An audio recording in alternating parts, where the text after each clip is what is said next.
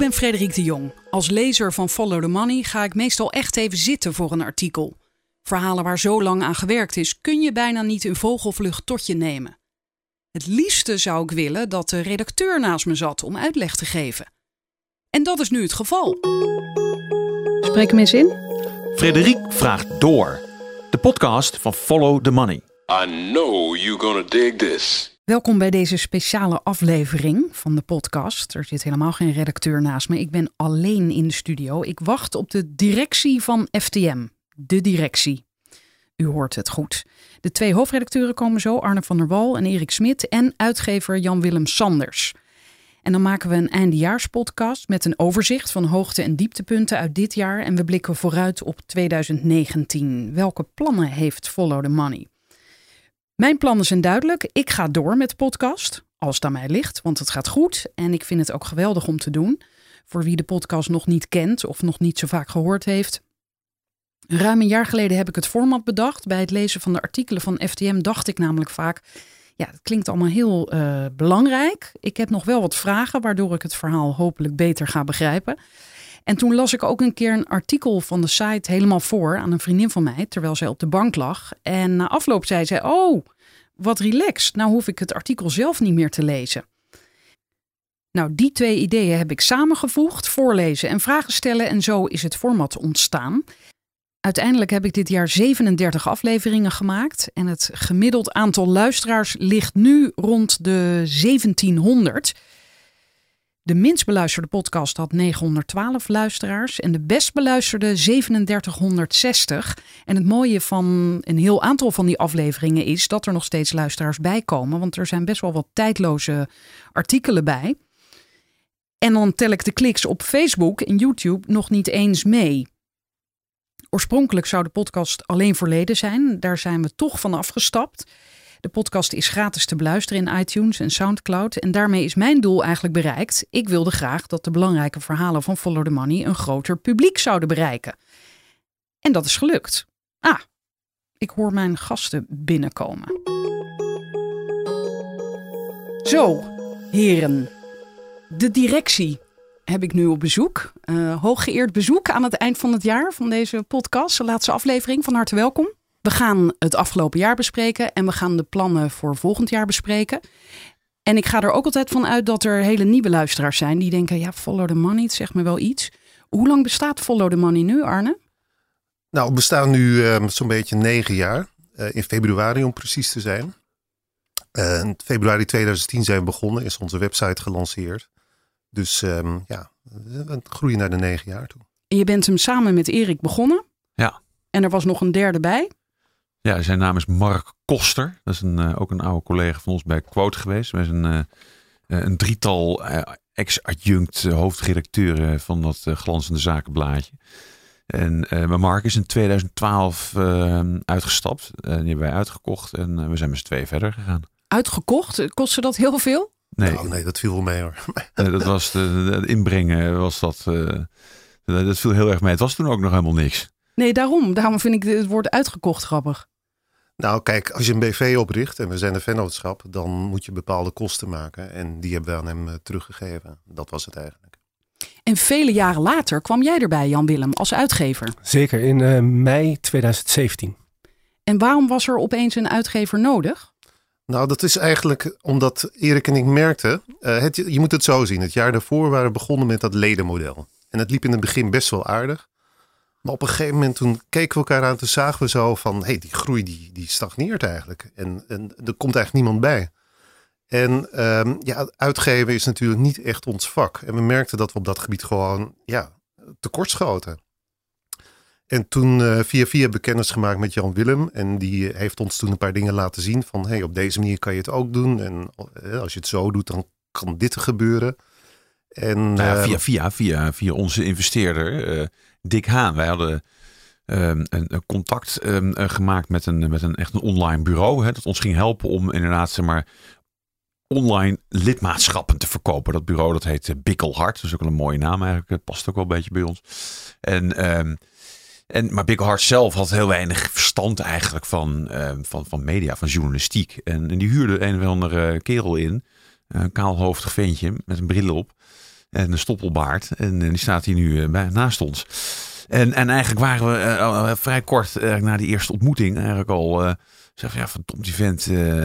Die, die, weet wat. Ja, die weet wat. En waarom moeten, moeten we die niet gewoon proberen aan boord te trekken? Hij snapt hoe die business werkt. En het is, online publishing is echt iets anders dan, dan... Ja. En kende jij Follow the Money al? Zeker. Ik kende vooral uh, Erik uh, van, uh, vanuit de andere media. En ik las als passant, moet ik eerlijk toegeven, Follow the Money. En, dus je las alleen de intro's of zo? Nee, incidenteel een artikel. En ik had wel al in de afgelopen jaren, of de jaren daarvoor, had ik gekeken. En ik denk, verdorie, wat de correspondent doet op, op mijn vakgebied, dat is wel heel erg gaaf. En ik zou eigenlijk wel een keer mee willen doen aan zo'n avontuur. Dat je echt als mede-ondernemer een journalistiek bedrijf begint. En randvoorwaarde 1 daarvoor is dat je ongelooflijk goede journalisten aan boord hebt. Dus je kan, uh, het moet beginnen met een waanzinnig goed product, want anders werkt mijn vak niet. En, en toen kwamen, kwamen Arne en Erik op mijn pad. En toen kwam die vraag. En toen heb ik nog, denk ik, een week een soort van moeilijk gedaan. Alsof ik niet gelijk... Een paar dagen volgens mij. Maar. maar je stond al te juichen, gewoon. Ja, ik denk gelijk bij het eerste telefoontje al wel dat ik dacht, dit is dit is de, de, de trein waar ik heel graag in, in mee wil gaan doen. En, en wat ging er vanaf dat moment anders? Wat, wat ben je gaan doen? Nou, ik kwam eigenlijk, uh, ik viel met mijn neus in de boter. Want uh, ik begon op 1 mei 2017. En in die week daarvoor was het verhaal over Henri Keizer naar buiten gekomen. En... Uh, Even voor de nieuwe luisteraars, Henri Keizer, Erik, wie is dat? Dat is de voormalige partijvoorzitter van de grootste politieke partij van Nederland, de VVD. En uh, Henri Keizer, die, uh, uh, die hebben wij vorig jaar uitgebreid zeg maar op de korrel genomen, om het zo maar te zeggen.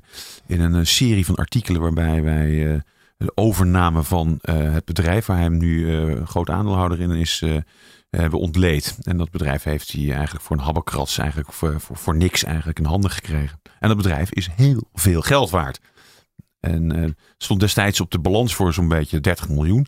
Maar we hebben inmiddels wel berekend dat het uh, ruimschoots meer dan 100 miljoen waard is. Dus hij heeft zichzelf een nogal groot cadeautje uitgekeerd. En diezelfde man, die was dus partijvoorzitter. Daar kwamen we achter en dat vonden we natuurlijk een heel bijzonder verhaal. Dat heb ik destijds met uh, Kim van Keken gemaakt.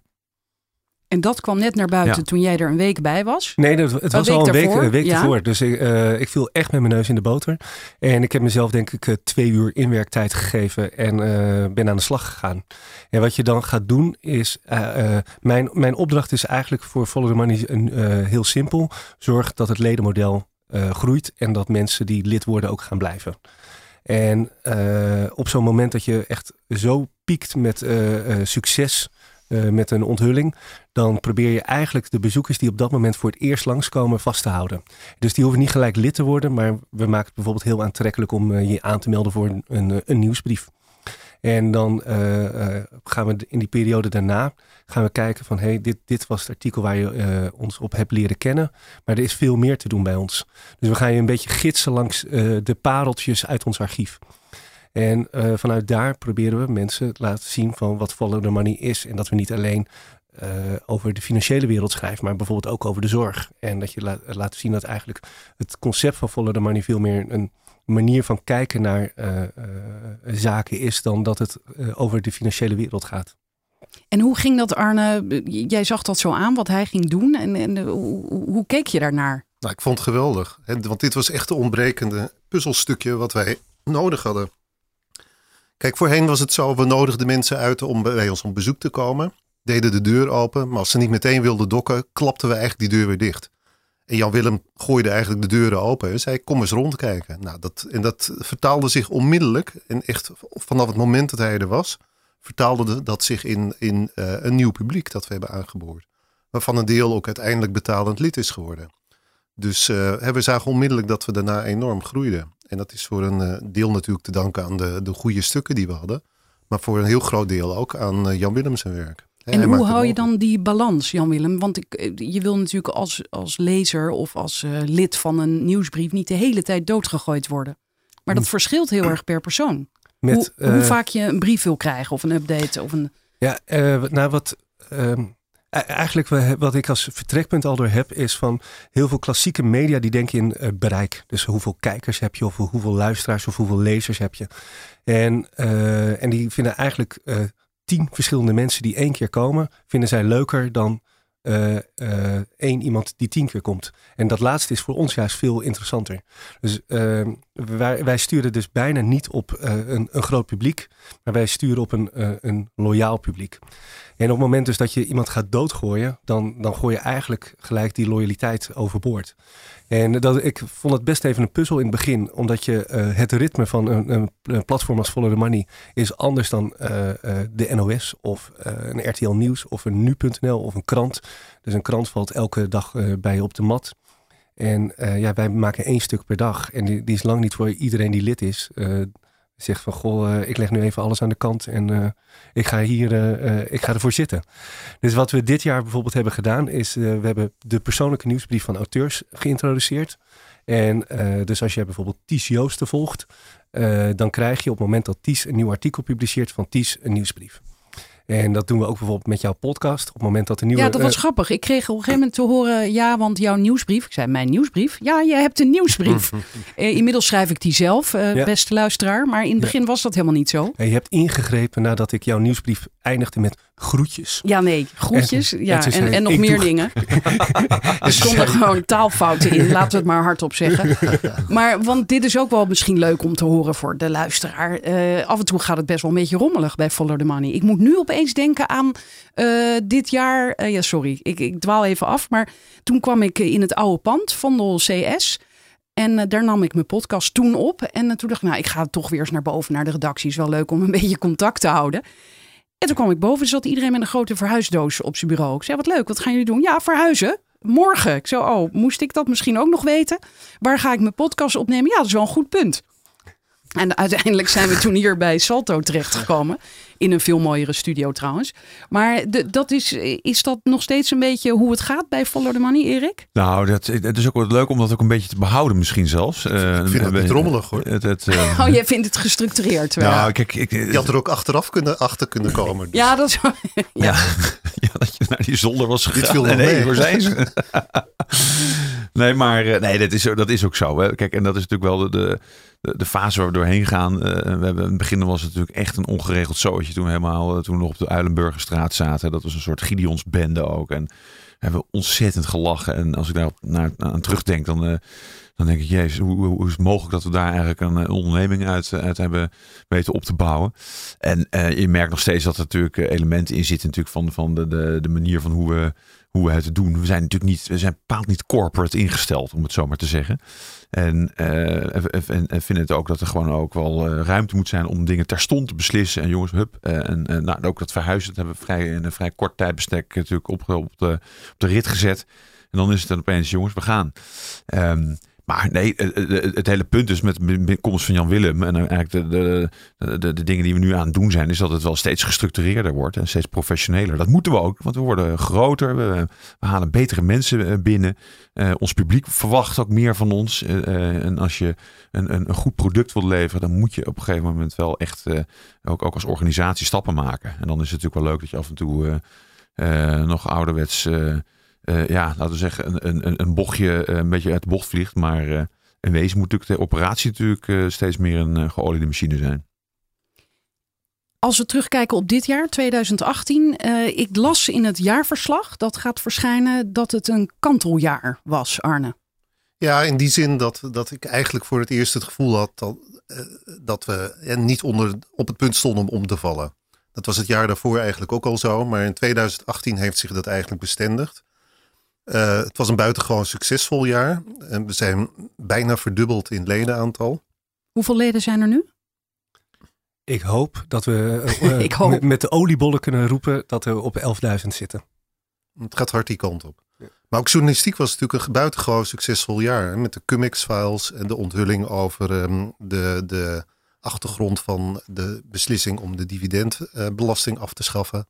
En dat waren natuurlijk grote dingen. Senatorenproject. Ja, we hebben een fantastisch eh, project gehad over Eerste Kamerleden en hun nevenfuncties. Loek Winter, grote onthulling. Ja, laten we niet te snel langs de onderwerpen oh, gaan, oh, oh, want, want dan wil ik ook wel. Ja, ja dan, dan wil ik ook wel. Je, je noemde eerst de, de, de Cum-Ex files. Dat, dat is een. Nou, groot... ik wil even terugkomen op het kanteljaar. Want ik vind dat het oh, echt ja. dat, dat, dat dat eigenlijk 2017 is geweest. Hè? Dus eigenlijk het jaar dat Jan Willem binnenkomt. En het jaar inderdaad dat we eigenlijk de grote journalistieke doorbraak hebben met, met het project Keizer. Waarbij ja, inderdaad het, ledenaantal ineens enorm begint toe te nemen.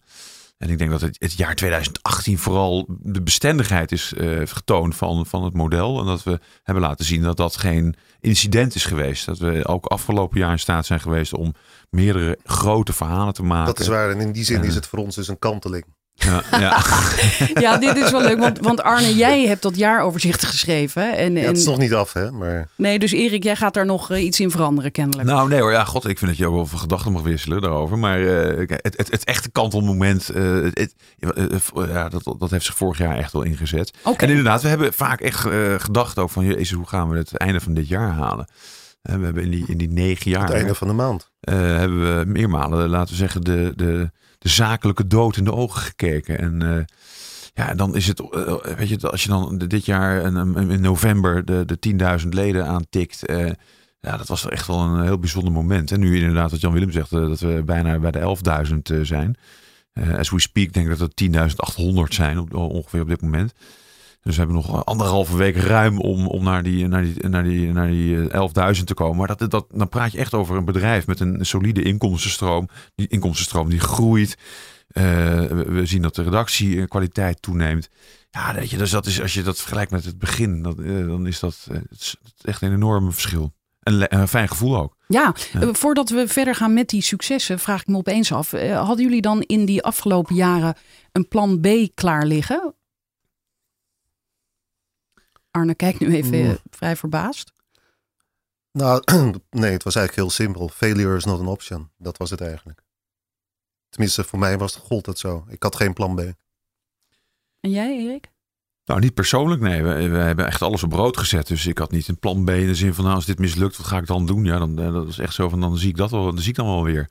Uh, maar inderdaad, wat Arne zegt, weet je, dat was geen, uh, dat was geen optie om, om, om te falen. En het echt het allermoeilijkste jaar was 2015. Toen hebben we echt, uh, dus dat was het echt de kast leeg. En toen moesten we de hele ommezwaai financieren. Uh, en we hadden geen geld. Uh, en dat hebben we toen in een heel kort tijdbestek. Nou ja, de ommezwaai naar betaald model. Ja, precies, dus daar moesten we de hele website voor verbouwen. Dat kost, dat kost echt, dat hadden we begroot op, ja, laten we zeggen, anderhalf ton ongeveer. En, dus daar moest serieus geïnvesteerd worden. En dat geld hadden we niet.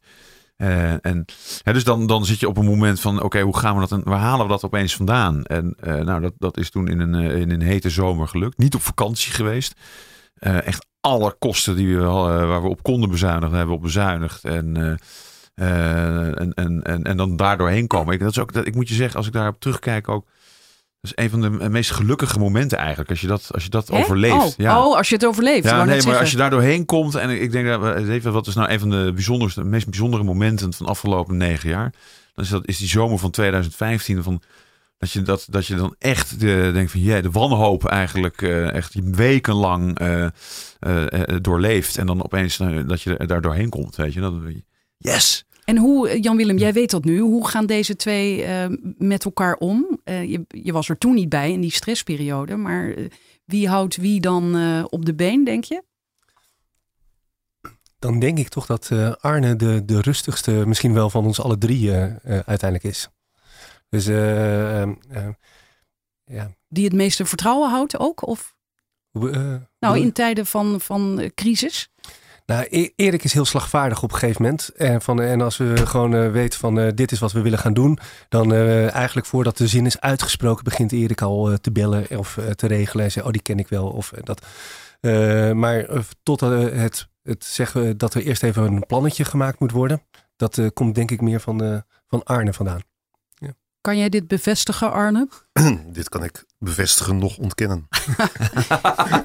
Oké, nou even terug naar dat jaarverslag. Uh, het, was wel of geen kanteljaar, daar, daar, hebben we het over gehad. Het was ook uh, een, een moeilijk jaar, schreef jij? Nee hoor. Oh nee, sorry. je schreef, we hebben moeilijke tijden gehad en verwees je naar het verleden. Nou, ik heb eh, niet gezegd dat we moeilijke tijden hebben gehad. Nee, sorry, de andere jaren. Het is niet altijd nou even makkelijk nee, geweest. Dat, dat schreef je inderdaad.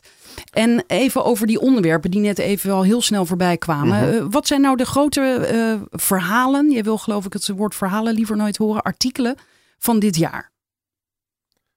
Nou, dan, dan denk ik toch wel het, uh, het, het Cummix Files project wat we hebben gedaan. Hè, wat, wat Erik samen met Siem en Arno Wellens heeft gedaan dat is echt een, een, een, het grootste journalistieke project dat we dit jaar gedaan hebben. En waar gaat dat over? De Cumex Files, het gaat over ja, de grootste belastingfraude uit de geschiedenis van Europa. En waarbij op hele ingenieuze, slinkse wijze dividendbelasting eigenlijk werd afgeroomd en uit de staatskassen werd gepikt, zou je kunnen zeggen.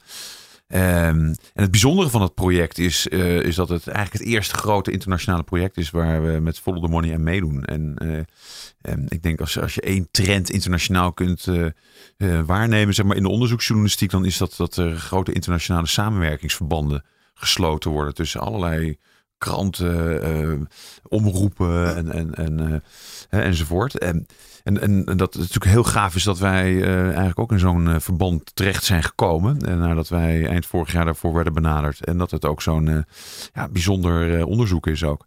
Dus daar, daar, zijn we eigenlijk heel trots op. Want dat praat je echt over dat je een samenwerking hebt met Le Monde, met die site in Duitsland, met en dat je het hele jaar ermee bezig bent geweest. Ja, ook. En dat we ook nog lang niet mee, mee, mee, mee klaar zijn ook. Ehm, en ik neem aan dat dat een trend is, omdat het bijna noodzakelijk is om nog een vuist te kunnen maken tegen overheden, CQ bedrijven? Nou, dat vind ik wat negatief geformuleerd. Dat kan altijd, eh, zeker in Nederland. Um, maar kijk, het bijzondere hier, het gaat hier wat bedoel je, dat kan altijd? Nou, je kunt eh, als journalist kun je altijd een vuist maken tegen. Ja, maar ik kan me wel voorstellen dat als je het internationaal aanpakt, zo'n verhaal, dat je wel wat steviger staat. Tuurlijk, maar dit is ook een internationaal probleem. Dus dan is het ook, ligt het voor de hand om het zo te doen. Ja. Uh, Ehm, kijk, en, en samenwerking, daar heb je wel een punt. Dat is wel iets wat, wat steeds meer gebeurt. Uh, we gaan ook volgend jaar gaan we samenwerken met, met andere organisaties. Onder andere de regionale publieke omroep. We gaan meer investeren in onderzoeksjournalistiek op lokaal uh, terrein. Um, dus ook daar gaan we inderdaad meer samenwerken. En je kunt dan ook profiteren van elkaars netwerk, van elkaars kennis en, en vaardigheden. Dus dat, dat gaan we zeker meer doen. Trouwens, uh, een, een van die journalisten uit Duitsland uh, wordt nu in Duitsland door het OM uh, eh, aangeklaagd. Ja. Begrijp ik dat goed? En jij schreef daarover dat hier is ook een wet in de maak die dat hier misschien ook mogelijk gaat maken. Ja, nee, sterker nog, die wet is eigenlijk al door de Tweede Kamer heen. En die, die, moet nog door de Eerste dat Kamer is het, heen. Ja, dus door de Eerste Kamer. Ja, dat is Oliver Schreum. Oliver is degene die is de, zeg maar de hoofdredacteur van het leidende collectief dat de, de CoomEx-files uh, geleid heeft gedurende de afgelopen jaar en ook nog het komende jaar zal blijven doen. Uh, correctief heet dat. Het zit in Berlijn. En uh, Oliver is tot zijn eigen grote verbazing en tot onze allergrote verbazing is hij uh, door de Duitse justitie uh, wordt hij vervolgd op dit moment. Er is een onderzoek naar hem gaande in verband met een, met een gevalletje bedrijfsspionage, zoals ze dat in Zwitserland noemen. En, um, en bedrijfsspionage is iets wat nu Europees is geregeld, dat daar, ja, dat daar tegen opgetreden kan worden, makkelijker tegen opgetreden kan worden.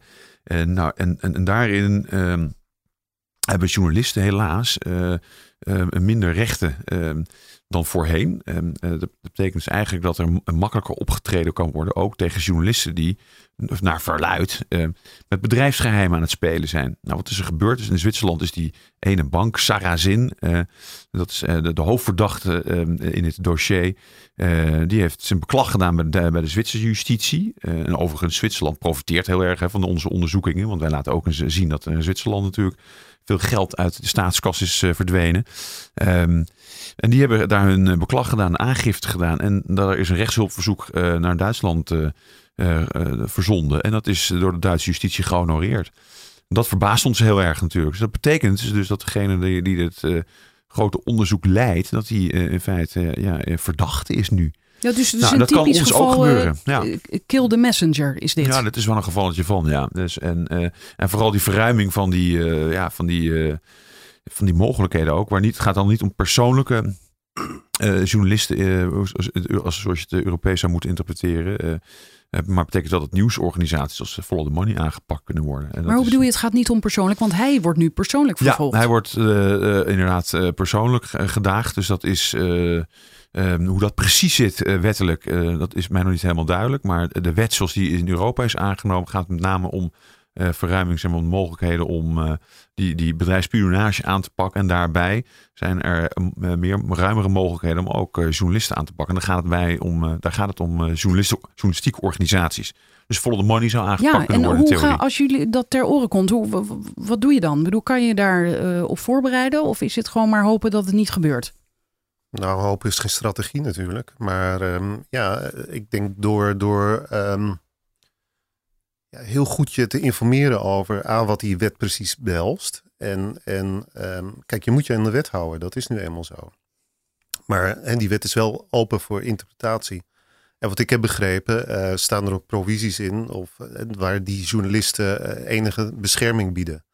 En misschien moeten we er ook voor zorgen dat die uh, beschermingsdingen dat die sterker worden. En dat we het niet gewoon laten liggen, dit. Of dat die wet gewoon niet door de Eerste Kamer heen gaat in eerste instantie. Nou, dat is ook nog een optie natuurlijk. Hij moet nog door de Eerste Kamer. Dus uh, wie weet. En daar hebben we goede banden opgebouwd. Dus, uh... Ja, hebben we heel goed. ja, door dat senatorenproject, ja. daar doelen jullie nu op. Hè? Ja, ja, ja. Want even waar, uh, dat ging, je noemde het net al, over uh, de nevenfuncties van de Eerste Kamerleden. Hebben jullie helemaal in kaart gebracht? Ja, dat is voor het eerst dat het gebeurd is. Uh, Duurtje Kuipers en Kim van Keek hebben samen een enorme database aangelegd. Uh, en ze hebben gewoon systematisch alle nevenfuncties en, en hoofdfuncties van alle senatoren in kaart gebracht en gerubriceerd. En daardoor kwamen een paar aardige dingen naar boven, of interessante dingen. Bijvoorbeeld dat het woordvoerderschap in, uh, heel vaak overeenkomt met uh, waar ze zelf een functie in hebben, de, deze Eerste Kamerleden. dan denk je eerst van, nou, is dat nou zo erg? Hebben ze ook een zekere expertise misschien? Als je dan vervolgens eh, iets dieper nog analyseert, dan zie je dat uh, het, het, vaak helemaal niet zozeer te maken heeft met expertise in de zin van opleiding of een uh, hoogleraarschap of iets dergelijks. Maar dat het vaak gaat om puur het netwerk waar ze in zitten. Dat vond ik wel een opmerkelijke constatering. En er is nu ook iets veranderd, hè? De senatoren mogen nu. Is dat niet zo? Niet, ik las volgens mij dat ze nu niet meer over hun ja, wat is het precies? Dat zou ik even moeten opzoeken. Maar over dat is een, een eigen... voorstel in dat, uh, van de commissie Remkes. Ja, dat daar, zou... daar, dus de Remkes heeft zeker het dossier uh, gelezen. En die heeft een aantal aanbevelingen gedaan. Waaronder dat, uh, het, dat woord, woordvoerderschap. Ja. Precies. Ja. Maar wat is er dan met dat woordvoerderschap dat je dan niet meer mag meestemmen, toch? Als het om jou nou, als het, als het jouw directe belang raakt, dat je dan niet mee mag stemmen. Kijk, er, en het, er zit een heel mooi voorbeeld zit er in dat, in dat uh, senatorenproject van waar dat gebeurd is en waar je ook precies aan proeft van dat dat niet deugt. En dat is van uh, de, de VVD-Kamerlid Anne Wil Duttler. Overigens was hij ook commissaris bij het bedrijf van, van Keizer. Was of is? Was. Ja, destijds, in 2014, werd er gestemd over de wet maatschappelijke ondersteuning. Uh, en er zat een uh, element in die wet die zij als adviseur met haar eigen onderneming in die wet had gezet. Dus ze stemde over, mede over iets wat ze zelf in die wet had gezet. Nou, dat is natuurlijk heel raar. En, um, um, en dat hebben de auteurs laten verifiëren bij een staatsrechtdeskundige. En die kwamen ook tot de conclusie van ja, dit gaat echt wel een, stap te ver.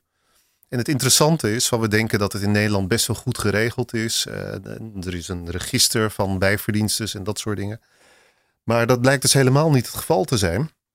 Een, een Europese uh, organisatie, Greco genaamd, die heeft zich daar ook over uitgelaten. En die vindt echt dat uh, Nederland op dat gebied enorm tekort schiet. Nou, dit onderzoek heeft ook laten zien van waar precies het tekort schiet. En bijvoorbeeld het woordvoerderschap, stemmen over dingen waarover je zelf advies hebt gegeven, dat kan natuurlijk niet. En dan komen we meteen ook op, hè, jullie noemen een paar voorbeelden van uh, artikelen van dit jaar. Uh, jullie zijn natuurlijk ook geïnteresseerd in of het effect heeft, of er iets verandert in de maatschappij. Jij schrijft er ook iets over in het jaarverslag van, we, zijn, geen, eh, we zijn natuurlijk geen activistische groep of een politieke partij, maar we hopen wel degelijk dat, er, dat we invloed hebben. Nou ja, kijk, als je misstand constateert dan, dan, um, en die in kaart brengt en, en daar een, een, een verhaal over schrijft. En journalistiek is een, is een vak dat je niet zonder enige uh, gepassioneerde drive kunt doen. Um, het is slecht betaald, je moet hard werken. Um, het, het, is vaak een enorm gedoe om, om dingen eh, goed op te schrijven en vervolgens ook nog te publiceren. Dus uh, dat doe je vaak al met een soort um, ja, activistische instelling. wij doen dat vooral met respect voor de waarheid. En de feiten, die gaan bij ons boven alles. Maar die drive, die zit er natuurlijk zeker in. En het zou heel raar zijn als je al dat werk doet en denkt van, uh, nou, ik heb het nu uh, laten zien wat er mis is en er gebeurt vervolgens niks mee. Ja, ik ben ondertussen even aan het scrollen in het jaarverslag, want ik wil even voorlezen, even kijken. Ja, dat voorlezen kan het toch niet laten. Um, maar waar staat het nou? Van we hebben een aantal toegegeven vage waarden, schrijf jij dan? Ja. Uh, welke waarden zijn dat ook weer? Ik kan ze even niet vinden. Nou, rechtvaardigheid, eerlijkheid. Kijk, het is een heel breed geformuleerde waarde, maar uh, voor ons zijn ze vrij essentieel eigenlijk. Want wij vinden ze heel belangrijk. Ja, dat, maar dat viel me op. Hoezo zijn dit vage waarden? Dit zijn toch hele duidelijke waarden, Erik? Nou ja, voor een, een, nou, in de, bijbels opgevoed kind misschien. Maar, uh. maar kijk, iedereen vult ze, vult ze misschien op zijn eigen manier in. En het is, um, kijk, we zijn niet voor waarden als van, uh, ik noem maar wat, de uitstoot van CO2 moet morgen gestopt worden. Of uh, van dat soort concrete actie, doelen echt. Ja. Actie, je kunt ook geen, geen getal aan plakken. Rechtvaardigheid is 3,4. Kijk, en wat is eerlijk? Dat is voor de een, ja. dat verschilt. Hè? Iedereen heeft er wel een gevoel bij. Uh, en, en, en zeker met rechtvaardigheid. Hè? Dat, dat is dus je bedoelt een... misschien eigenlijk, want ik heb het nu gevonden, hier staat het. Maar er zijn wel een paar toegegeven vage uitgangspunten die ons drijven. Rechtvaardigheid, eerlijkheid, gelijke kansen, de toekomst van generaties na ons. Ja. Natuurlijk vinden we het fijn als ons werk op die gebieden iets kan betekenen. Maar dan heb je het meer over containerbegrippen. Iedereen mag ze zelf invullen. Ja, kijk, en over een begrip als, als eerlijkheid, uh, daar kun je over discussiëren natuurlijk. Ja. Van wat is, wat is precies eerlijk? Uh, maar toch heeft, en dat denk ik wel, dat, dat, en dat is zelfs in, in uh, experimenten met, met apen is dat. Van als je de ene aap minder te eten geeft dan, dan de ander, en ze zien dat van elkaar, dan heeft één aap daar een slecht gevoel bij. En dat is, dat is, dat is een heel universeel begrip dus. Dus bij mensen is dat eigenlijk ook zo. Van iedereen voelt wel aan van uh, dat de, de, de, uh, de ongelijke inkomensverdeling en vermogensverdeling in, over de hele wereld, maar ook in Nederland, dat dat niet de goede kant op gaat.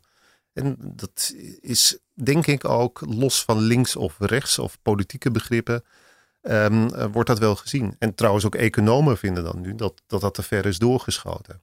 Nou, dat wilde ik inderdaad net vragen. Je, je, leest natuurlijk van alles op Twitter over Follow the Money. En laatst was er opeens, even heel kort, eh, een groepje twitteraars zei... nou, eh, Follow the Money lijkt wel een linkse club geworden.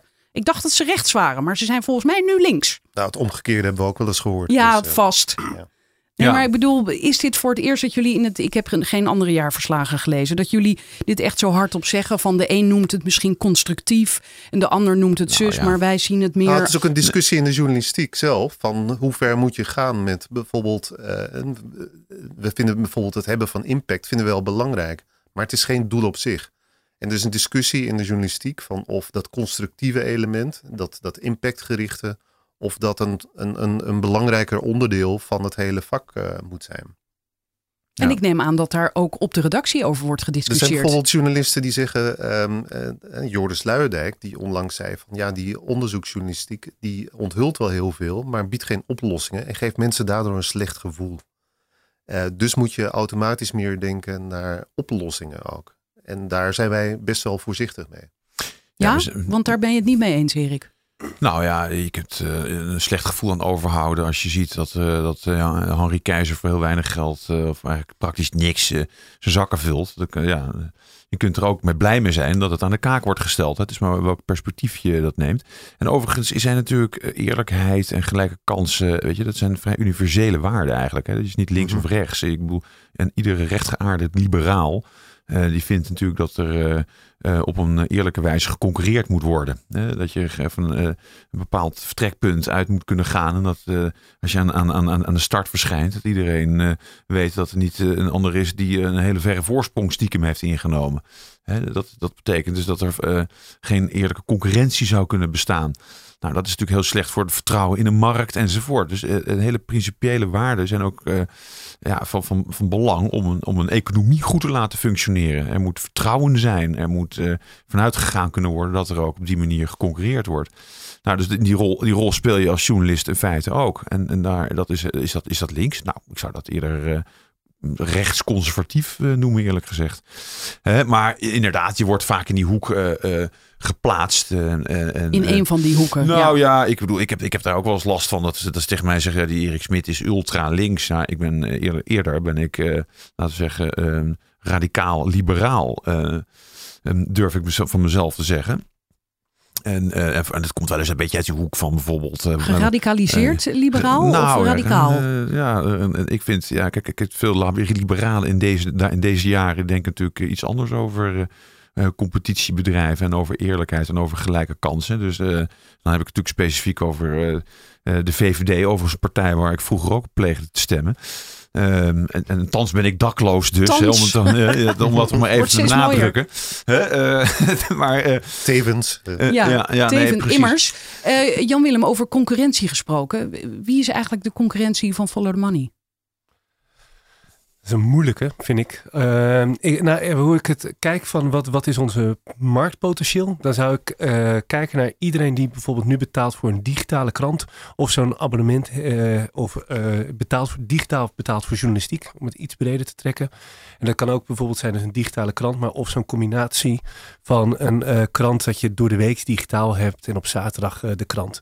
Ik denk dat als je die groep van alle kranten en digital only partijen bij elkaar optelt, dat dat ongeveer uh, het potentieel is voor, van mensen die wil betalen voor het product dat wij maken. Ja, want zulke plannen maak jij dus. Dus wat is, hoeveel leden kunnen er in die zin maximaal bijkomen, denk jij? Ja, ik moet zeggen dat ik die uh, lat al een klein beetje naar boven bijstel. Maar het is gevaarlijk omdat natuurlijk met andere mannen uh, die uh, mij heel graag een doelstelling natuurlijk uh, willen ontfutsen. Ja. ja. Uh, maar we, die, uh, we hebben ooit gezegd van ja, als we rond de 25 tot 30.000 komen, dan kunnen we een hele volwassen onderzoeksredactie neerzetten. En dan, dan moet je echt denken aan het type journalistiek dat we nu maken en dan met geschreven. Maar we zijn op 3 januari begonnen met, dit jaar met deze podcast en audio smaakt bij ons bijvoorbeeld wel naar meer. En wij denken dat we. Wacht even, krijg ik nu concurrentie? Bij een, uh, ja, nee, jouw positie wordt verstevigd. We hadden het even over concurrentie voor follow the money, jongens. Ja, en, maar eh, wat ik eigenlijk wil zeggen is van wij denken dat we bijvoorbeeld een groter publiek kunnen bereiken als we niet alleen onze uh, publicaties in geschreven woord maken, maar ook dat we van een aantal belangrijke verhalen een, uh, een audioversie zouden maken. Wacht even, maar je zegt een paar dingen. Dus we, we zeg ik nu even, we bij Follow the Money kunnen naar 25.000, 30.000. Dan komt er een volwassen onderzoeksredactie, of nog groter eigenlijk, want hij is nu al volwassen, behoorlijk, lijkt mij. Uh, maar dan moeten we wel meer doen dan alleen schrijven. Bedoel je dat? Nee, de, we, we leggen de ambitie steeds wat hoger. En uh, als je die ambitie wat hoger gaat leggen, dus als je gaat zeggen van we gaan naast geschreven journalistiek ook uh, audio uh, maken, dan, dan wordt het duurder. Dus dan zal je ook een, een, hoger, een groter aantal leden moeten gaan, gaan werven. En stel dat je ook nog zaken wil doen als video. Of, dan, en dat, dat is ook weer een, een duurder product. Dan zullen we ook daar weer een, een, moeten zeggen, ja, hoeveel extra leden hebben we daarvoor nodig om, om die ambities neer te kunnen zetten. En, uh, maar het zelfvertrouwen dat er een, een, publiek is voor het type journalistiek dat Volle de Money maakt, dat is bij mij de afgelopen nou, 18, 20 maanden echt enorm toegenomen. En die nieuwe leden ga je dus weghalen bij bijvoorbeeld de kranten? Ja. Nou ja, weghalen. Ja, zegt Arne. Nou ja, of hoe zeg je dat? Kapen? Ja. Nou, ik zou niet zeggen dat, dat, ik zou niet zeggen dat het een zero-sum game is, hè, om het zo maar te zeggen. Dat, het is niet zo dat die taart maar zo groot is. Ik denk dat je een, het lezerspubliek ook kunt uh, uitbreiden. En dat mensen die nu nog helemaal geen journalistiek uh, of heel weinig journalistiek lezen, uh, dat je die ook kunt verleiden om, om te zeggen van kijk eens wat wij hebben. Het nou, gaat mag ik even, als je je niet echt bezighoudt met journalistiek en je stapt dan in één nou, keer binnen bij Follow the Money. Het kan ook zijn dat mensen die zijn teleur, teleurgesteld gesteld zijn geraakt in een bijvoorbeeld lokale krant. Ik noem maar wat. Uh, Arne die gaat komend jaar bijzonder actief worden op, om, om zeg maar, het, het lokale uh, onderdeel van Follow the Money uh, verder vaart te geven. Nou, het kan, het kan zijn, en dat is natuurlijk ook zo, dat de afgelopen twintig jaar hebben natuurlijk lokale kranten eigenlijk hun uh, onderzoeksredacties letterlijk zo'n beetje, nou ja, ja, letterlijk, nee, maar echt onthoofd. Hè. Die zijn afgesaneerd en, en alleen de Limburger heeft nog echt een onderzoeksredactie staan. En voor de rest gebeurt het daar eigenlijk helemaal niet. Dus je kunt je voorstellen dat heel veel mensen, nou ja, noem maar in, in het oosten van het land of waar dan ook eigenlijk, zeggen van, nou dan hoef ik die lokale krant ook niet meer te lezen. Mits jullie dan nou hier ja, kijk, in als je dan regio... iets kan laten zien dat je wel van belang bent in Eindhoven of een Enschede of in, een omstreken. En nou, dat kan je, daar kan je wel weer een, een nieuw publiek, of een, misschien een teleurgesteld publiek, weer opnieuw tot die journalistiek trekken. Um, hè, dus dat is een mogelijkheid. Ik denk dat wij daar uh, maar uh, je kunt het, ook, uh, het kunnen ook jongere mensen zijn die nog niet eerder een krant hebben gelezen. En die zeggen van goh, gaaf dat jullie dit maken. En lokaal, maar ook de, de grotere verhalen die jullie internationaal of voor, voor Nederland maken. dus het gaat ook om, om een jonger publiek er weer bij te betrekken. Dus wij denken wel degelijk dat, er, dat, dat het niet per se ten koste hoeft te gaan van het lezersaantal van, ik noem maar wat, de Volkskrant. Want dat neemt toch wel enorm af. Nou, dat is wel zo. Ja. Jan-Willem lacht nu. Maar is er eigenlijk iets te zeggen over het profiel van uh, de leden? Nou, uh, we hebben een keer onderzoek gedaan samen met de, uh, de Universiteit in Amsterdam naar onze leden. En toen, toen, dat terugkwam, toen was ik eigenlijk verrast door het inzicht dat wij niet een, een, een, een, publiek hebben van gelijkgestemden. En op het moment, wat ik vertelde helemaal aan het begin van eigenlijk willen, willen wij uh, een, een, een, een, fanbase opbouwen van mensen die uh, Volle de Money goed vinden. En op de een of andere manier verwacht je dan uh, ook dat die mensen allemaal wel een beetje hetzelfde profiel hebben. Maar dat ging eigenlijk heel breed. En nu ben ik even kwijt. Wat je nou ja, dus zowel links als rechts, om ja, maar dat weer ja. even te noemen. Dus het, man, vrouw, ja, leeftijd. Het is wel, het is ietsje, het is ietsje mannelijker dan, dan vrouw. Ietsje? Nou, ja, nee, en, getallen getallen. Nou, ik denk dat het, uh, nou, laat ik het positief zeggen, de 70-30 uh, is. Nou, we weten nou, het niet ja, altijd. Nee. En de mensen die ik aan de lijn krijg, die ja. bellen, dat zijn uh, vaak vrouwen. Ja, vrouwen ja. bellen. En wat willen ze dan? Nou, bijvoorbeeld als er iets met hun uh, lidmaatschap is. Kijk, wij houden heel weinig informatie bij. Dus de informatie van Jan Willem is ontleend aan, aan Google Analytics. En jij ontleent het aan de, de vrouwen die jou bellen? dat niet direct, maar nee, maar kijk ook van, van wie onze leden zijn. Dan kijk ik af en toe even doorheen. En soms staat er een geslacht bij, niet altijd. Kijk, we houden het niet echt bij. Dus, en dan zie ik dat we de laatste tijd erin slagen om uh, ja, uh, mensen van de twee genders uh, binnenboord te halen. En jullie houden het niet bij omdat dat soort onderzoeken zijn duur? Is dat een reden of, of is nou, het niet zo belangrijk? Ik, ik, denk dat we wat misschien onze leden wel uh, verbindt, is dat ze allemaal redelijk kritisch zijn. En op het moment dat je aan het begin vraagt van word, wil je abonnee worden, maar dan hebben we ook je geboortedatum, je geslacht en je postcode nodig. En dan vraagt ook iedereen zich af, maar waarvoor heb je dat dan precies nodig? Dus we, we hebben het, uh, het invullen van informatie over jezelf hebben echt enorm tot het minimum uh, beperkt. En uh, dat is een hele bewuste, bewuste stap. En uh, ook doordat we een model hebben als een ledenmodel en, en dus dat je mensen niet, je publiek niet exploiteert aan een adverteerder, heb je dat soort informatie eigenlijk ook niet nodig voor je, voor, je, voor je geldstromen.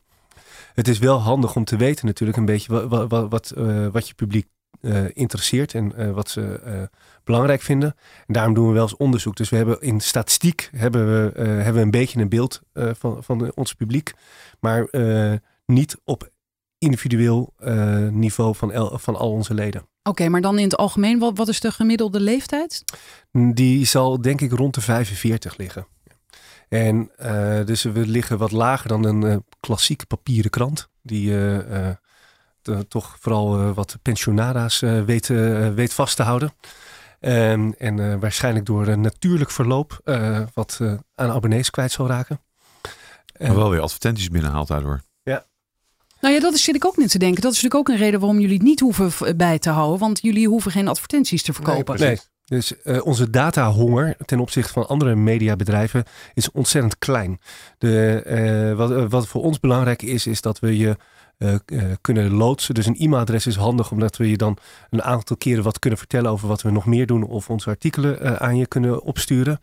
Maar heel veel meer hebben wij niet, niet nodig om, onze, om, om, om volle de money als product neer te kunnen zetten. Maar het leuke is natuurlijk wel dat, dat het publiek toch inderdaad heel divers is. En dat zie je toch ook wel in de commentaren, ook onder artikelen ook wel hoor. Dat, dat waait ook alle kanten uit. Dus je hebt niet een uh, laten we zeggen, een bubbel bij ons. Uh, die, die tref je echt niet aan. En, en dat percentage man-vrouw, dat is eigenlijk nou, toch de laatste paar jaar toch wel vrij consistent. Het komt, wordt iets beter. Dat, is, dat ligt ja, rond de 70, 30 inderdaad. En dat zouden we graag natuurlijk omhoog willen krikken. Maar op zich is dat bij, bij Financial Times ligt het nog wat, om maar een voorbeeld te noemen, ligt dat nog wat een stuk lager in het nadeel van, van vrouwen. Dus dat wil zeggen dat het 2080 is ongeveer. Uh, dus ja, nee, wij vinden het wel fijn als het uh, toch wel een beetje wat een, een, gelijkmatige verdeling wordt. Nou ja, we, we, zijn al bezig natuurlijk om onze redactie natuurlijk uit te breiden. En, en, en daar komen steeds meer dames bij. Hoeveel mensen werken er nu bij Follow the Money? Uh, goeie, goede vraag. Ik zou het eigenlijk uit mijn hoofd niet weten. Nou, we, zitten, we hebben morgen ons kerstdiner. Nee. Ja, ja. En ik, we moesten van locatie veranderen omdat we met te veel oh, waren. We moeten van locatie veranderen? Dat is al geregeld. Oh, dat heb je al Oké. ik heb al een mailtje daarover gekregen. Ja, Erik ook. Oh, Erik leest zijn mail niet. en, uh, Wat een en onthulling. Daar, en daar zijn we met uh, 30 man uh, van, van ons. En dat is, maar er zit ook vormgeving bij. Er zitten ook mensen die podcast maken en zo voor ons zitten erbij. Dus, de... Mensen, dat is één mens. of komt die concurrent ook? Die aanstaande, we krijgen nu een soort uh, Philip Freriks uh, momentje. nee, ik zat te twijfelen of ik dat voor de grap erin zou doen. Maar ik denk, die grap gaat ongetwijfeld mislukken, dacht ik. Nee. Uh, Want nou ja, nu we het toch over dit jaar hebben. Dit jaar is de podcast er ook bij gekomen. Ja, ik had het vanochtend nog even opgezocht. we hebben de eerste gepubliceerd op 3 januari. En met Harry Lensink. Over de sleepwet die, die er toen aan zat te komen. Ja, ik weet het nog. Harry ging, kwam de studio in en zei: Wat gaan we eigenlijk doen? Toen zei ik: Ik ga jouw artikel voorlezen. Echt? Ja. En, is dat niet heel saai? Ik zei: Nou, volgens mij niet. En een half jaar later won uh, Harry zelf de podcastprijs uh, uh, voor zijn eigen podcast ja. over het Holle. Hij was helemaal geïnspireerd, denk ik. Ja, ja, ja. En heeft de, de podcast nou meer leden opgeleverd, denk je? Kan je dat zo zeggen? Dat, zeg maar ja. Ongetwijfeld. Oh ja, mooi. Wat, uh, maar wat we met de podcast uh, uh, willen is natuurlijk dat we A, een beetje een publiek bereiken dat we ons nog niet kenden. we voelen ook wel aan natuurlijk dat we iets met audio moeten gaan doen, omdat dat steeds meer gebruikt gaat worden. Maar we hebben wel heel erg gezocht naar een formule waarbij we die versterkt op hetgeen wat we al deden, dat dat sterker werd. Dus uh, de, het concept waarbij jij het artikel voorleest, maar ook nog vragen stelt aan de auteur, dat maakte, uh, vinden wij dat het een hele sterke, sterke podcast kan worden. En we zien dat het kan worden is Jan Willem. Ja. Wat is dit? Nee, maar het is ook, het is ook goed volgens mij dat je, dat je, kijk, we hebben natuurlijk vaak lange verhalen, dat weet je, en jij leest ze voor. En dat je, dat je ook een andere, dat je op, dat die, die, die artikelen, dat je ook op een ander moment kunt ja, consumeren, om het zo maar te zeggen. Nou ja, dat je in de keuken staat, dat je de afval staat te doen en dat je dat ding kan, ja, dat hele verhaal kan beluisteren. En dat je daarnaast ook nog, en dat is natuurlijk het leuke van uh, deze vorm, dat je ook nog een gesprek hebt met, met, uh, met de auteur. En, en dat jij hem nog vragen of haar nog vragen kunt stellen over. Nou, Mij helpt het serieus om een artikel uh, nog beter te begrijpen. Om in ieder geval die urgentie te voelen. Nou, ik vond zelf toen de podcast met de PAJ over een van hun onderzoeken. En dat Platformen authentieke journalistiek. En die hadden heel veel via een WOP naar boven uh, gehaald. Dus uh, wet openbaarheid bestuur. En ze vertelden hoe dat proces ging en hoe lastig dat was geweest. En ik vond dat een van de meest een van de beste voorbeelden om te laten zien hoe het artikel, maar ook een soort making-of uh, in het gesprek met de auteurs. Dat de, ik vond het een van de meest spannende podcasts uh, die we dit jaar hebben opgenomen. Oké, nou genoeg lof. Hartelijk dank. Uh, nog even voordat we naar 2019 gaan. We hebben, jullie hebben wat voorbeelden van onderwerpen genoemd. Lokaal kwam net even voorbij. Er zijn natuurlijk niet alleen maar hoogtepunten, helaas ook dieptepunten dit jaar. Want Rob Voorkink is plotseling overleden. Ja, dat vind ik uh, wel het dieptepunt van het jaar inderdaad. Heel plotseling. Um, ja, hij is in zijn slaap overleden. En we kregen dat bericht een paar weken geleden vlak voor de redactievergadering. En dat was natuurlijk een enorme schok voor iedereen. En dat was vlak nadat uh, bekend werd dat. Um, want ik heb hem voor het laatst gesproken in de podcast over zijn onderzoek naar de vuurwerkramp, waar hij jarenlang zich in vastbeet. Um, klokkenluider Paul van Buitenen, voormalig klokkenluider, maar die man heeft een heel rapport geschreven over die ramp. En heeft TNO aangeklaagd. Is dat, ja toch? Uh, ja, ja. Voor, uh, wetenschapsfraude. Wetenschapsfraude. En dat was net naar buiten gekomen. Dus gelukkig heeft Rob dat nog mee kunnen krijgen. En kort daarna is hij. Uh, ja. ja, hij was nog volop bezig. Hij was zelfs nog bezig. De avond ervoor had ik nog contact met hem over een artikel waar hij mee bezig was dat hij heel graag uh, snel wilde publiceren. Um, wij vonden het nog niet helemaal af. Maar um, nou ja, we gaan dat overigens wel uh, publiceren. Waar gaat dat over? Nou, het ook over de vuurwerkenramp. Maar hij vertelt daarin eigenlijk. Um, voor veel mensen is dat heel lang geleden. En Rob zat er natuurlijk zo goed in. dat hij wel eens vergat te vertellen. van wat er nu eigenlijk was gebeurd. Dus we hebben hem gevraagd: van kijk er nou eens naar. van, he, vanuit jouw blik. van wat is er volgens jou nu eigenlijk precies gebeurd? Want er zijn zoveel onderzoeken geweest. Verdachten. En de onderste steen is, uh, daar heeft hij, dat heeft hij heel goed gezien, is nog steeds niet, niet boven. Dus um, nou ja, dat, uh, daar zat hij nog volop in. En hij deed, was nog dagelijks bezig met onderzoek uh, daarnaar.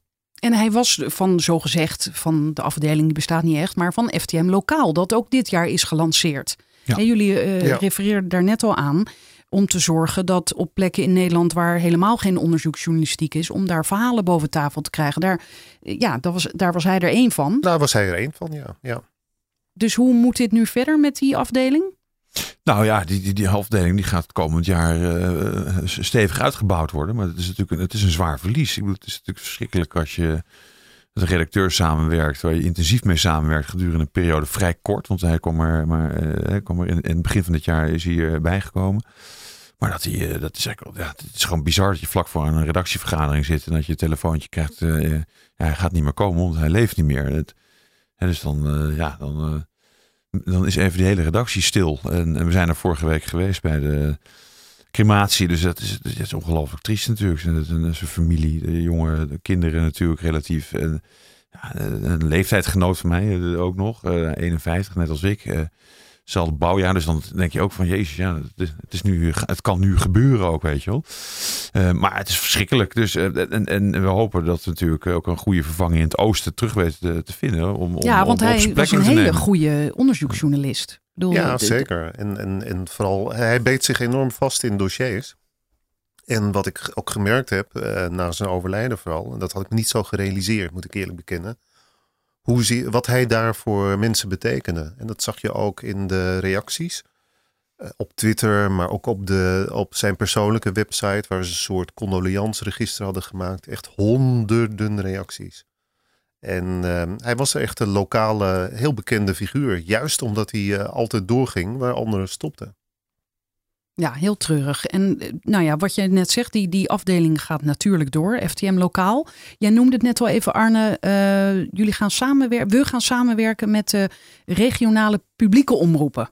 Klopt. Nou ja, dat is één aspect daarvan. Kijk, we gaan sowieso uh, volgend jaar veel meer lokale onderzoeksjournalistiek publiceren en, en, en onderzoeken optuigen. Eén onderdeel daarvan is een samenwerking met regionale publieke omroepen. En uh, dat gaan we combineren met een andere innovatie die we afgelopen jaar hebben ingevoerd. Uh, Follow the Money Pitch. Met pitch kunnen mensen uh, zelf ideeën indienen op onze site. Um, en kunnen daar ook over stemmen, over andere ideeën van andere mensen. En um, het idee er eigenlijk achter is dat het beste idee, of het meest gedragen idee, dat we dat als beloning. En de winnaar krijgt een beloning. En dat is dat wij het gaan uitvoeren. Nou, we hebben een soort plan gemaakt uh, hiervoor om dat te combineren met uh, regionale publieke omroepen. We gaan dat tenminste vier keer doen volgend jaar. Een groot onderzoek. Het zijn ook eh, niet zomaar een artikeltje of een uitzendingje, maar echt systematisch onderzoek naar een bepaalde misstand of um, situatie waarvan de, de luisteraars en kijkers van die regionale omroepen zelf mogen meebepalen waar wij onderzoek naar zullen doen. In samenwerking met die, met die publieke omroep komt ook een journalist. Hè, we gaat, die gaat van, van hen gaat samenwerken met een journalist van ons. We zijn beter uitgerust om, uh, om dat, uh, dat onderzoeksjournalistieke aspect om dat te doen dan, dan zij dat zijn. En daarom hebben we, dat, dat vinden ze zelf ook. En daarom hebben we besloten om dat, daarmee samen te werken. Kijk, voor ons is het daarnaast natuurlijk een prachtige manier om onze lokale onderzoeken breder te kunnen verspreiden. Niet alleen via onze site, maar ook via die regionale omroepen. Nou ja, goed, kijk, het is hoe dan ook van groot belang dat, uh, en dat, dat is ook deels de reden waarom wij natuurlijk met het, met het lokaal zijn begonnen. Het is de, de kaalslag natuurlijk um, uh, ja, in, in de provincie, om het zo maar te zeggen, op regionaal gebied, op onderzoeksjournalistiek gebied, is natuurlijk fenomenaal. Het is, het is heel, en het is heel ernstig dat dat over zo'n periode is gebeurd. En eigenlijk is er eigenlijk maar één echt initiatief wat begin dit jaar heeft gezegd van we gaan er iets aan doen. Het, het, interessante eraan is, is dat vervolgens een stimuleringsfonds voor de journalistiek en dat is een fonds dat, dat subsidies geeft aan journalistieke projecten. Ook eigenlijk die, die mening heeft omarmd en zegt we gaan regionale journalistiek steunen. Daar hebben wij overigens met de RPO ook een, een, steun van ontvangen. Dus het project dat komend jaar uitgerold gaat worden, dat krijgt deels middelen, publieke middelen tot zijn beschikking. Dat ook heel fijn is. Daar zijn wij ooit overigens mee gestart ook, negen jaar geleden met, eh, met, met, een, eh, met een subsidie. Dus eh, je ziet dat daar ook gewoon gezonde bedrijven uit voort kunnen komen. Dus dat is het ambitieniveau. Nou ja, gezonde bedrijven die dan later weer subsidie nodig hebben. Nou, nodig is het niet. Kijk, het, het, het is een risicovol project. Het is een... het is iets waar wij echt aan, aan pionieren zijn geslagen. en, en, in de pioniersfase is het natuurlijk wel fijn om uh, laten we zeggen, om inderdaad die, grote risico's, dat, dat, daar, dat er mee, op meegefinancierd wordt met publieke middelen. Dat is heel tof. Overigens zijn er 22 andere plekken waar subsidiegeld terecht is gekomen door het fonds. Dus we zijn lang niet de enige die lokaal actief zullen zijn. Maar het is, het is, we zijn wel de eerste, we zijn wel de trendsetter geweest. En ik denk dat we het ook, als wij in staat zijn om het nog meer in ons platform te borgen, dat we ook daarmee het meest onderscheidend zullen worden. Oké, zijn, zijn er ook al, uh, hebben jullie al enig idee van welk soort artikelen daaruit voort gaat komen? Nou, één, zijn we eigenlijk al gestart. Um, en dat behelst een onderzoek naar um, grondvervuiling in Nederland. Je moet je voorstellen, grond is een, ontzettend schaars item geworden in Nederland. Er wordt waanzinnig veel gebouwd op dit moment. En we hebben eigenlijk gewoon te weinig grond. Dat betekent dat die grond uit andere delen van Europa wordt geïmporteerd. Um, en vaak Wacht even, om, om gebieden op te hogen bedoel je? Nou, onder andere. Ja. Um, kijk, in die grond, maar ook bijvoorbeeld om, om gebieden die in het verleden um, zijn uitgediept. Dingen als de Slotenplas bijvoorbeeld, of uh, uh, het Markermeer is ook zo'n voorbeeld. Die zijn in het verleden enorm uitgediept om bouwgrond te creëren. Um, wat ze toen nog niet wisten is dat daar door al het uh, leven, het, het, waterleven, daar uh, kapot gaat. Dus er is nu een trend gaande dat die uitdiepingen, dat, het, ja, dat die weer gevuld worden. Ook daarvoor is grond nodig. En natuurlijk vooral op al die plekken waar gebouwd wordt. Kijk hier in Amsterdam alleen al. Of uh, ja, rondom Utrecht. Er wordt zo waanzinnig veel gebouwd. Er is gewoon heel veel grond voor nodig. Nou, dat is, blijkt dus vaak vervuilde grond te zijn. Mensen komen daar te laat achter. Dat is ook in het verleden gebeurd. En wij zijn nu bezig met een project waarbij we eigenlijk die hele vervuiling van gronden in Nederland in kaart willen brengen. En daar willen we ook onze lezers bij betrekken. Dat is een project dat loopt al. Dat hebben, zijn we net voor. Ja, ik zag daar een eh, video van voorbij komen, Jan ja, Willem. Klopt. Op, ja, op social media zag ik opeens Mira Seijs in beeld die dit project uh, doet. Ja, zij leidt dat. Zij, zij, heeft zich ontpopt tot onze grondspecialist als het ware. Ze is ook bezig uh, met een project in, in Friesland naar de winning van zout. En ze heeft een, uh, een, behoorlijke expertise op dat gebied inmiddels opgebouwd. En wil samen met ons uh, uh, ja, dat verder uitbouwen.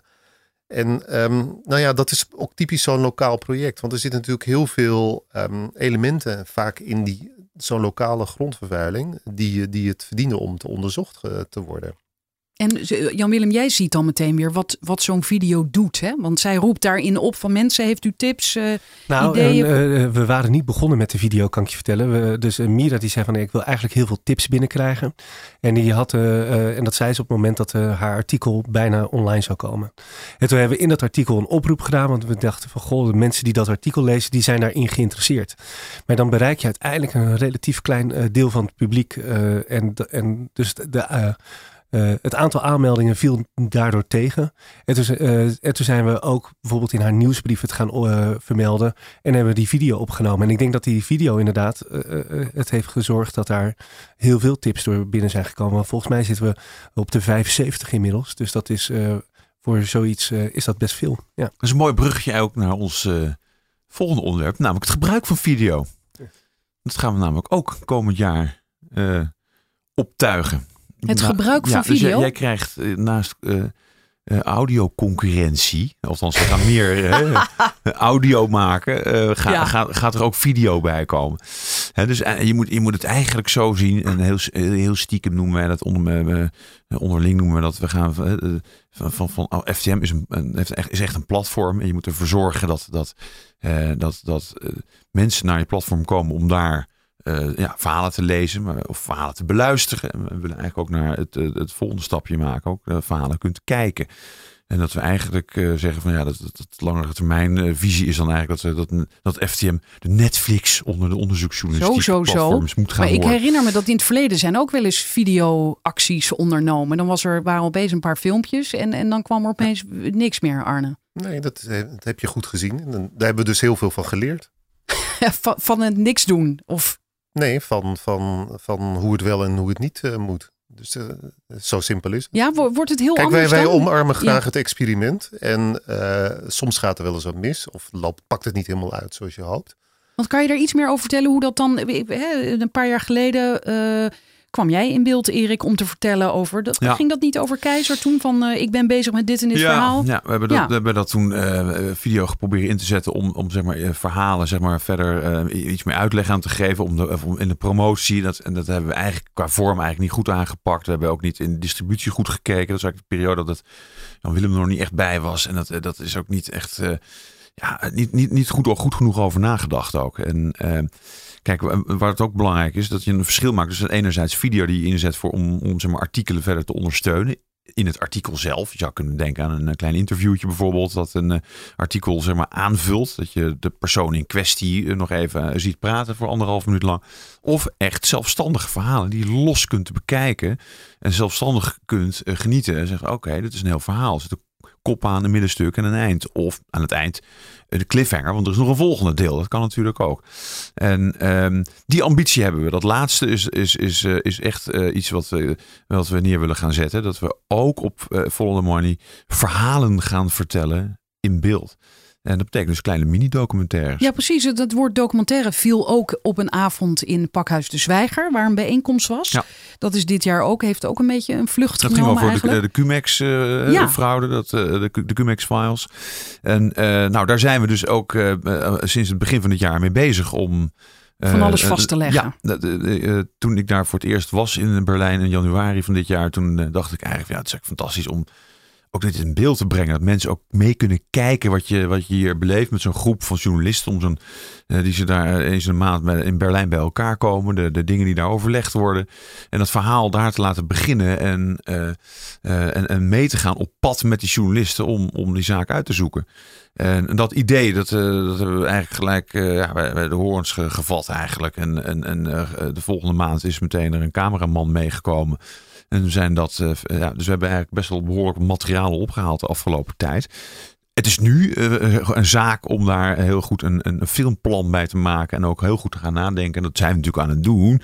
Uh, over hoe we dat uiteindelijk zo meteen gaan vertonen. Gaan we dat alleen op the Money vertonen? Gaan we het als eerste op the Money vertonen? Of gaan we dat bijvoorbeeld samen met een omroep naar buiten brengen? Uh, en dus daar hebben we verschillende plannen voor. En uh, ik ga nog niet vertellen welk plan het gaat worden. Maar het wordt wel heel vernieuwend. Oké, en Jan Willem, want dat doet me ook weer denken aan toen wij het hadden over de podcast. Ik dacht in eerste instantie dat wordt iets voor de leden mensen betalen een lidmaatschap en krijgen dan een extraatje. En jij zei toen nee, we hebben toch besloten om hem uh, gewoon uh, openbaar online te zetten in Soundcloud. Zodat een ieder die podcast kan beluisteren. Juist in de hoop om, om ja, goodwill te kweken eigenlijk. Hè? En om uiteindelijk nieuwe leden binnen te halen. Ja, maar dit, dit gaat wel echt over aparte producties. dus die video of die documentaires, als we dat zouden doen, dan zou ik dat wel weer heel anders aanpakken dan met die podcast. En Um, en ik denk dat als we nu bijvoorbeeld meer gaan doen met audio, dus uh, huidige publicaties ook een audioversie geven, dat we dat zeker exclusief gaan, gaan maken voor onze leden. Waarom zou dat dan wel exclusief voor de leden worden? Nou, ik zou het uh, zelf wel heel aantrekkelijk vinden dat we een aantal uh, extra functies gaan toevoegen aan, aan wat we nu te bieden hebben. En dat we bijvoorbeeld ook de, onze app die, die we hebben aantrekkelijker gaan maken door te zeggen van goh, in, in de app kan je ook heel makkelijk de audioversie luisteren van dit artikel. Zodat je ook onderweg in, de, in de auto of in het OV een verhaal tot je kan nemen met je, via je oren. Dus dat is dan om, om de leden te, extra te binden aan je? Ja, en e-, echt gewoon extra eh, features te bieden voor, voor onze leden. En ook andere mensen dus wel een beetje laten zien van... hé, hey, leden die, die kunnen allerlei dingen meer dan, dan dat jij nu krijgt. Dus die app gaat ook veranderen? Die gaan we in ieder geval uitbreiden. Dus, uh, dus we hebben ja, dat bedoel ik. Ja. ja, er komt iets extra's bij. Ja. Ja, hij wordt, hij wordt, eh, eh, eh, de bedoeling is dat hij veel gemakkelijker wordt om, om, om, om onze verhalen te lezen. En dat er inderdaad en audio makkelijk op kunnen toevoegen. Dat is eigenlijk gewoon met één klik dat je, dat je bij het audio, audiodocument bent. En dat die audio echt ook alleen maar bij ons op het platform valt te beluisteren. Frederik, jij bent zometeen exclusief. Word ik dan ook exclusief? Nee, nou, nou ik zie Jan Willem twijfelen. Maar, Nee, dat is geen, daar, is geen, daar is geen meningsverschil over. Dus, dus we maken nu gebruik van SoundCloud. Uh, maar daar, daar, uh, we, hebben wel, we zien heel duidelijk dat je, wil je uh, leden naar je toe trekken, dan moet je echt het materiaal op, op je platform aanbieden. Oh, en, en, en, wordt het dan, bedoel je? Nou, nou wat, wat Erik nu uh, bedoelt is, we hebben nu een, we gebruiken de, uh, maar dan wordt een beetje technisch, de player van SoundCloud.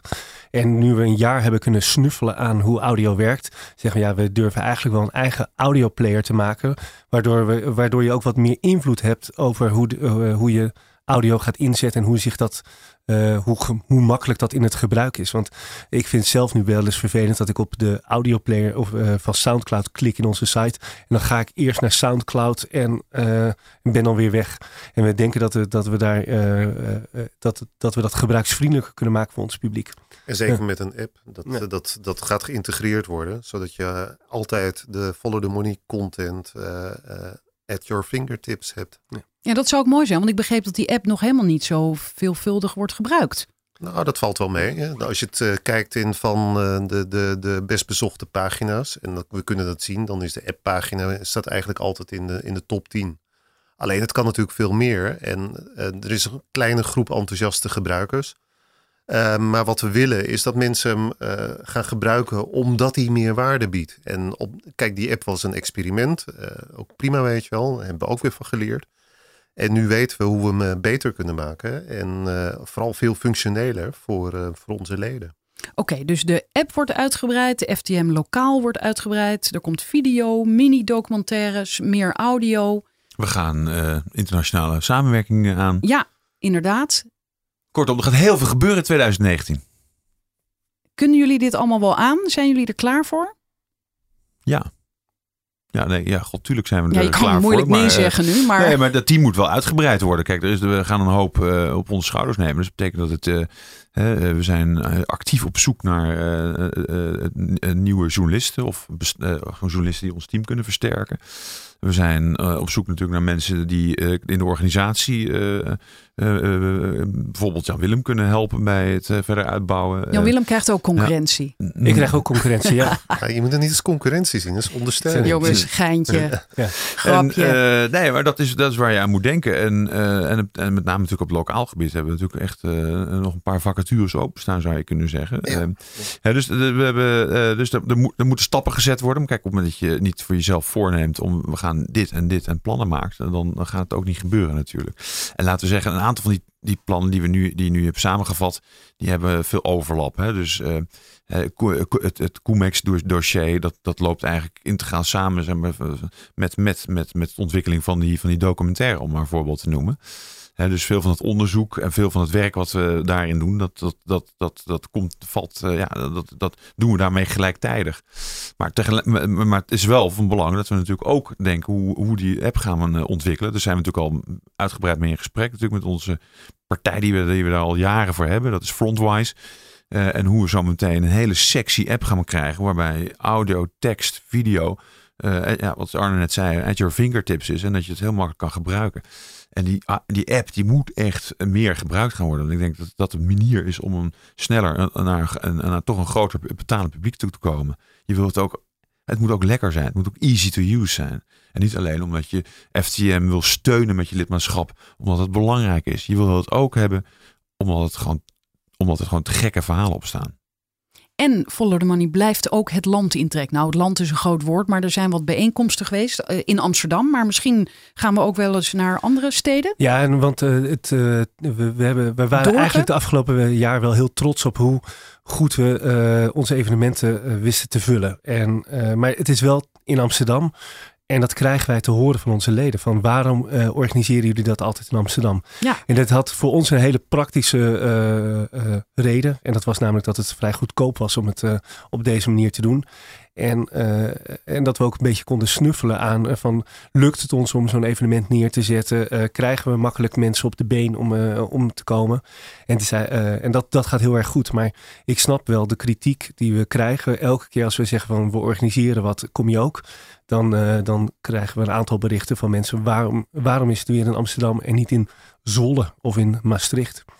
Dus uh, gecombineerd met uh, FTM lokaal zou daar. nou, dat wil ik zeker. Ja. Dat lijkt me geweldig. Ja. Als, we, als wij bijvoorbeeld straks een mooi onderzoek hebben gedaan, weet je wel, en, en, en dan gaan we dat doen waar het zich heeft afgespeeld natuurlijk. Dat zou fantastisch zijn als dat lukt. Wat dat betreft zijn we helemaal niet gebonden aan Amsterdam. En ik weet zeker dat we daar ook zalen gaan vullen. Dat gaat absoluut uh, gebeuren. Follow the money trekt het land in. Nou, zullen we het hierbij laten? Of hebben jullie nog uh, kleine tipjes van andere sluiers? Of hebben we echt alles besproken? Nou, voor iedereen die nog niet lid is en wel luistert. Uh, die om al die spullen te kunnen zien en lezen volgend jaar. Moet je nu lid worden natuurlijk. Ja, nou ja, we hebben natuurlijk een paar hele mooie sappige dossiers in ontwikkeling. Maar daar kan ik nog helemaal niks over vertellen. Ja, dit schiet natuurlijk niet op. Je kan niet eens eh, onderwerpen noemen. Uh, nou, we gaan, we gaan uh, een dossier opbouwen over de, de, de media-industrie in Nederland, onder andere. Oh. Uh, dus dat, dat, dat wordt heel, heel spannend. en er zijn andere dossiers die in de maak zijn. ja, die, die, daar, daar weten we nu al van dat er hele bijzondere onthullingen aan gaan komen. En er loopt sinds kort nu een dossier, een medisch dossier, over artsen die uh, contracten hebben met de hulpmiddelenindustrie. Dat, dat dossier heet Gesponsorde artsen. We hebben de afgelopen week een heel groot artikel uh, naar buiten gebracht. Uh, dat gaat inderdaad over de medische hulpmiddelenindustrie. Die middelen, dat is een industrie die nog groter is dan de farmaceutische industrie. Maar in tegenstelling tot de farmaceutische industrie amper enig toezicht kent. En uh, dat was jaren geleden uh, Radar, uh, Avrotros, Radar ook al opgevallen. Uh, dat er zich uh, nogal misstanden in voordeden. En die hebben dat uh, aangezwengeld binnen dat Internationaal Consortium for Investigative Journalism. journalists. En dat, en dat heeft ertoe geleid dat zij de implant files afgelopen vorige maand naar buiten brachten. Dat is een groot internationaal samenwerkingsverband ook weer. En um, nou, dat, dat liet zien dat, dat er nou, talloze gevallen zijn waarbij er implantaten bij mensen binnen in worden gebracht. Of uh, terwijl die nog niet goed getest zijn, de kwaliteit uh, slecht is. Uh, en mensen daar heel veel last van hebben en zelfs dan ook kunnen overlijden enzovoort. En dat heeft heel veel te maken met een slecht toezicht. Maar wat zij nog misten, en dat is de, dat is de missing link die Follow the Money daaraan toevoegt op dit moment. Dus dat er hele uh, intensieve banden zijn uh, tussen die medische industrie, medische hulpmiddelenindustrie en artsen en, en, academische ziekenhuizen. Nou, dat hebben we nu een eerste verhaal onthuld en er komen nog een paar hele mooie onthullende artikelen aan. Dat brengt me nu op, echt op de laatste vraag. Wordt het niet, omdat Follow the Money steeds groter wordt, ook lastiger voor de journalisten om ergens binnen te komen? Arne. Nou, misschien wel, maar um, ik uh, zie dat eerlijk gezegd niet uh, als een uh, hindernis, maar als een uitdaging. Een goede journalist komt overal binnen. Dat zeg jij dus tegen de redacteuren. Als ze zeggen, ja, ja ze wilden niet met me praten, ja. dan zeg je... Bullshit. Je zorgt maar dat je ja, binnen kijk, wij hoeven natuurlijk, als we ING kritisch beschrijven, hoeven wij ook helemaal geen interview met Ralf Hamers. Weet je, dus dat, dat hoeven wij niet. We, dat, dat, dat, het, het wordt pas vervelend als, je, als jouw medium afhangt jouw succes ervan, van die interviews met, met die topmannen en topvrouwen. Nou, die hoeven wij niet, die interviews. Nee, maar wij, ik noemde niet eens alleen topmannen. Af, hè? Wij, wij gaan nou, kijk, het, het, het, gaat erom dat als je iemand opbelt, dat je meteen de deur in je gezicht... Uh, ik heb dat vroeger bij Quote wel meegemaakt. Ook bent van Quote, er werd meteen de hoorn erop gegooid. Maar uh, op een of andere manier vonden we altijd wel een, een workaround. Um, kijk, en een uh, van de voordelen is juist dat onze naam wel bekend is. Kijk, als we vroeger, uh, een jaar of vijf, zes geleden zeiden van follow the money, follow the what. En dan, dat was een totaal andere situatie dan nu. En dat is wat echt veranderd is. Het afgelopen jaar zeker. En daarom denk ik, noemde ik het ook een kanteljaar. We zijn nu echt wel bij iedereen bekend. Ja, gooi toch even dat woord kanteljaar erin, Erik, waar jij het dan niet hebt. Maakt niet uit. Ik gun, hem, die, ik gun hem die hier. Mooi, heel mooi jongens. bedankt. Graag gedaan. Ja, graag gedaan. Graag ja, gedaan. Ja, leuk dat jullie. Ja, oké, ja, dat zeg je dan, hè? Oké.